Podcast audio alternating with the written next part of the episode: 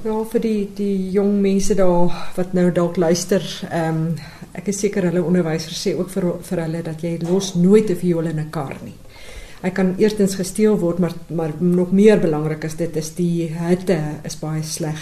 Jy weet vir 'n viool om in so 'n warm plek te wees. So jy moet baie kyk na klimaat want dit het 'n direkte invloed op die instrument en veral wisselinge in humiditeit. So van 'n droë klimaat na 'n baie vogtige klimaat het 'n vreeslike effek op die op die instrumente omdat dit hout is. Mm. En hout beweeg mos. Kyk hy krimp of hy swel uit. Ehm um, so dit het 'n ongelukkig is dit waarmee ons die heeltyd handel en die nate word met gom vasge, jy weet, gelym en soos wat die hout dan nou uitsit of saamtrek, sal dit daai gom ook uh, uh, eintlik uitdaag mm, om dit nou mm. so te stel. So mens moet gereeld maar jou viool inneem na iemand toe om hom te laat hersien en te kyk of daar nie openinge is nie. Jy sal dit agterkom ook aan die spel, aan die aan die klank. Mm. Uh want as hy ooptrek dan verloor jy kwaliteit in die klank. En dit kan selfs 'n vibrasie veroorsaak wat nogal baie sterend kan wees. So net die alledaagse uh, sorg is beteken dat jy jou viool baie mooi moet skoon uh, vryf met 'n sagte uh, lap nadat jy gespeel het. Elke keer as ek klaar gespeel het, maak ek hom weer skoon want die harpuis van die strykstok kan nogal aanpak hierso op die hout. Ah, ek verstaan. En dit dit ek meen dit lyk dan ook nie eers meer mooi nie, maar is en, en ek ek glo enigiets van die aard kan ook impakteer op die klank. Jy wil hom jy wil graag so 'n instrument mooi skoon hou jy weet. Ja, so mooi. En dan um, as jy byvoorbeeld ry in 'n motor uh, as daar ek ek eis altyd as daar op 'n grondpad gery word wat jy weet so singplaat effek het want dit beteken dat die um, hier binne in is 'n klankpen. Ek weet nie of jy hom kan sien nie. sien jy hy verbind die boonste met die onderste deel. Ja ja ja ja. En hy is baie sensitief ook ehm um, vir want waar hy staan bepaal die klankkwaliteit. Dis 'n vreeslike dit noem noem, dit die siel van die viool. Ja. Goed. En ehm um, so hy kan maklik skuif veral as jy jou viool skielik stamp. Jy weet as jy so stap en jy stamp teen 'n stoel of 'n ding, dis eintlik baie sleg vir 'n viool want dit kan daai pen laat skuif. Ehm um, ja, so dis eintlik 'n baie sensitiewe enige instrument, musiekinstrument is 'n sensitiewe ding. Jy weet fluitspelers, my sussie Melanie speel mos fluit hmm. en hulle sal vir jou sê daai klippe hoe maklik kan daar iets fout gaan. So dieselfde met met uh, houtinstrumente ook, so strykinstrumente. Maar in die aard van die saak het om te reis dan nou 'n ongelooflike groot invloed want as jy sê hierdie verskillende klimate en ek meen jy's gereeld oor see ook en alles. So weet hoe ja.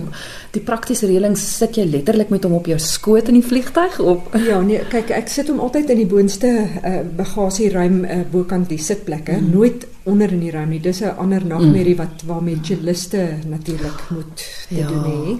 En hulle dan nou spesiale kaste wat baie goed verseël word want dan het jy met uiterste temperature te doen ook. Mm.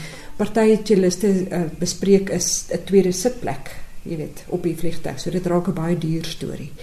Ehm um, maar vir jou kan jy ten minste uh, bo sit en dan ek ek dra hom altyd in my eie hande. Jy weet ek min mense kry mag my viool dra. Want ek wil net nie daai verantwoordelikheid vir iemand gee nie, jy weet. En as as daar iets gebeur laat dit dan liewers ek wees wat dit gedoen het, want anders te dit sal net te erg wees. maar dit is hoekom ek so bly is ek gesels met jou want ja. dit nou vir my 'n wêreld oop gegaan. Mens besef nie hoe ongelooflik sensitief die instrument is ja. en hoe jy hom eintlik so 'n babatjie moet oppas. Ja, ja. En jy moet ook uh, wat wat ons ook gebruik is hierdie sien jy hierdie groen slangetjie bietjie. Dit is 'n ehm um, Ek het gaan vir die luisteraar sê sy het hom nou uit die viool uitgetrek. Ja, uit die hierdie F uh gate, die ja, ja. F gelewe is uh het het, het net mooi genoeg spasie vir hierdie groen rubber slangetjie om in te gaan en binne in hierdie buis, dit is so rubberbuis, ja. is daar 'n spons. Uh wat jy dan nou in water hou en jy druk, jy sal sien hier's gaatjies sodat die Jy kan hom onder die ja, ja. water bietjie hou en dan absorbeer hy die water. Dan haal jy dit uit en druk al die al die oor uh, tollige water uit want hy moenie nat wees nie, ja, ja. hy moet klam wees ja. binnekant. En dan uh, droog jy die buitenste rubber af met 'n 'n lap of 'n handdoek en dan sit jy dit hier in. So dis nou op die oomblik winter by ons, né? Uh dis nou ons praat nou hier in Junie maand. So die jy's uh, ons ons lug is baie droog veral hier in Johannesburg. Mm. As jy kus toe gaan is dit makliker. Maar daarom moet ek hierdie ding insit want uh, dit gee so 'n bietjie vog binne in die romp van die viool en en dit help dan dat hy nie uh, te maklik sal kan ooptrek by die nate nie want hierdie is nou ideale omstandighede vir die naad om oop te trek omdat dit so so droog is. So daai buisie, rubberbuisie lê dan nou in die viool terwyl jy speel en alles ja, uit daar. Ja, ek ek oefen met hom maar ek ek moet vir jou sê as ek op optree mm, mm. net voor ek op die verhoog gaan trek ek hom uit Goed. want hy kan vibreer. Ah, ek verstaan. Ja, so so ek trek hom dan net uit. Ek het al 'n paar verloor op die manier want as jy hom skielik op die verhoog besef jy het hom nie uitgehaal nie, dan sit jy hom net daar neer en dan vergeet jy hom en hulle kos nog al 'n paar rand. Maar uh, dis 'n belangrike ding om te hê. Net soos wat jy weet klavier het ook soms 'n uh, bevoegdiger uh, wat hulle onder wat wat soort van die voeg ehm um, reguleer binne in die ehm um, klankkas. Selfe beginsel is hierso van van toepassing. Die ander ding wat ek ook moet sê is 'n uh, mens moet oppas wat jy ook op die hout sit want jy sal sien die vernis is baie dun en is 'n baie spesiale elke mm. viool se vernis is baie kosbaar en jy wil nie Pieter daarmee nie. So want jy maak nie vir jou soms skoon ons het allerlei spesiale olies en dinge wat mense kan gebruik. Maar jy moet versigtig wees wat jy gebruik. Want as jy eers die vernis afge gestroop het as jy iets gebruik het wat te sterk is dan dan het jy werklik skade gedoen aan die instrument. Um, mens wil so soveel as moontlik die oorspronklike vernis behou. Mm. Ehm um, as dit enigstens moontlik is. Die vingerbord word soms uh, nogal vuil want mense hande jou vingers sweet en so aan. So daarvoor gebruik ek toe ek 'n kind was, het ek 'n uh, oude cologne gebruik. jy het net 'n bietjie alkohol nodig. So ek gebruik nou skoon alkohol. Net wat waarmee ek dan ek gaan bo oor die snare en op die hout hier die vingerbord se hout is heeltemal anders. Ek kan nou net vra maar dis ook hout ja, nou. So hy kan dit hy kan dit hanteer met net absoluut seker maak dat daai alkohol nie raak aan die viool se mm. liggaam en die vernis uh, nie. Gaan kyk onder onder die vingerbord en die snare is hy so swart. Wat sou mens nou sê? Waarvoor is dit? Dis dis is waarvan praat jy? Hierdie hierdie hierdie o, dit ja. is die kenrus. O, die ja, kenrus. Ja. So dit hou my dit ek sit my ken daar maar jy sal sien hy's hy raak nie aan die hout van die viool nie. Hy hy, hy word net vasgeklem hier aan die kant. Uh so dit beskerm ook die viool want as jy jou ken hier sou sit dan sal daar ook van die sweet ja, van jou ja. nek direk op die vernis weer eens wees, jy weet. Maar was hy van die begin af deel van die viool nee, ook? Nee, jy sit jy sit hom apart oh, ja. op maar ek meen dan bly hy nou daar. Net soos die so, die kussentjie. Hierdie kussentjie eh, wat ek gebruik is is net vir op dis 'n skouerrus.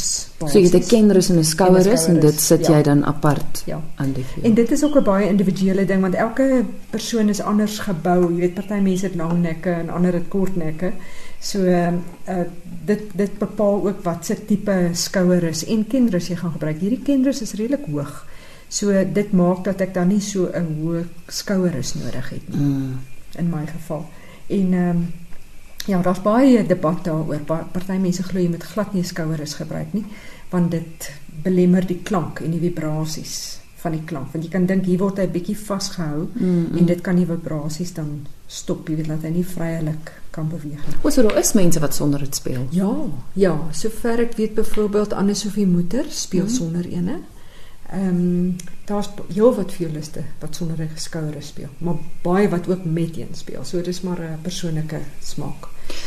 Ek weet dit is dalk miskien nou 'n dom vraag, maar as mens kyk na sinfonieorkeste, is die viole altyd in een rigting. Ja. Ek neem aan mens moet regsom speel. Kry jy ouens wat ek is byvoorbeeld links. Ja. Gaan ek nou andersom viool speel? Kan mens of moet mens leer om Ja, weet jy daar was 'n uh, vroeër jare het hulle spesiaal viole gemaak vir linkshandige persone.